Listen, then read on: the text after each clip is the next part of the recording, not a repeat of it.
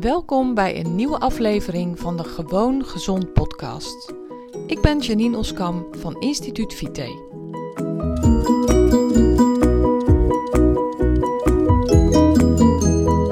Hi, leuk dat je luistert naar deze podcast.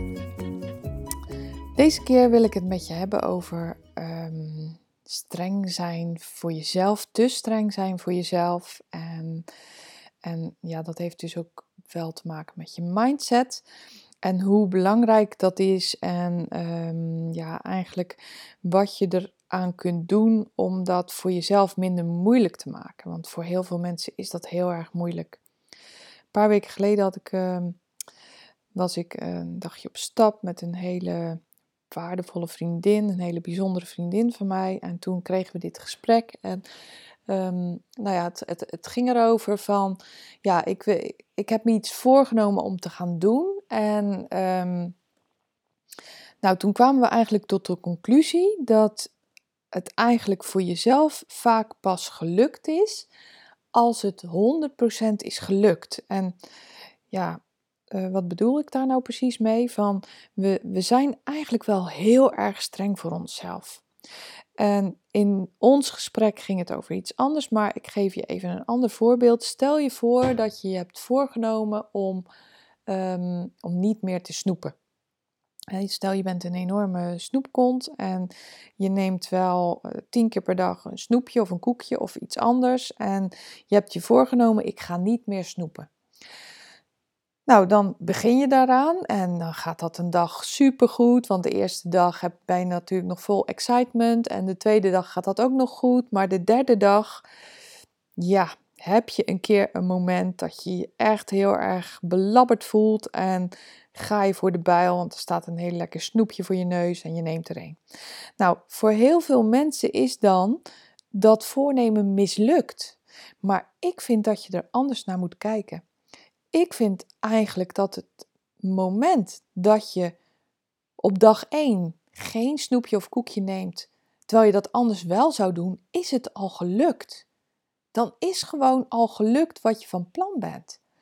En als je er op deze manier naar gaat kijken, dan ben je ten eerste veel milder naar jezelf. En ten tweede is er dan ook veel minder spanning, staat er dan op die prestatie. Op het moment dat we die lat enorm hoog leggen. En dat is goed hè, voor mensen die dat kunnen, prima. Maar voor mensen die een keer um, zwichten, en ik noem het heel bewust niet de fout ingaan, want ik vind het geen fout. Ik vind het namelijk, ja, gewoon precies zoals ik zeg, het is al gelukt als je het één keer niet hebt gedaan. En dat geldt voor alle gewoontes die je wil afleren. Er is niets zo moeilijk dan een gewoonte afleren. En vandaar dat ik mensen ook aanraad die mijn methode gaan volgen om een, om een periode van voorbereiding daaraan vooraf te laten gaan. Want uh, in mijn methode zijn best wel strenge regels.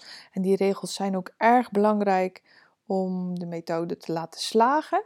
Ja, nu klinkt dat ook weer wel heel erg zwaar, want het valt eigenlijk ook allemaal wel mee. Maar ik vind dat je jezelf dus met mildheid moet behandelen. Je moet lief zijn voor jezelf. En als je dat doet en als je dat toestaat vooral, dan leg, leg je die lat veel minder hoog en is er ook heel veel meer kans op succes.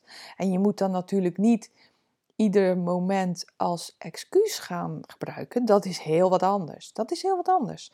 Maar ga je een keer onderuit, zwicht je een keer voor een verleiding waar je eerder misschien wel tien keer per dag voor zwichtte en gebeurt dat nu één keer in die drie dagen, nou dan ben je toch fantastisch bezig. Dan is het toch gewoon super goed gelukt.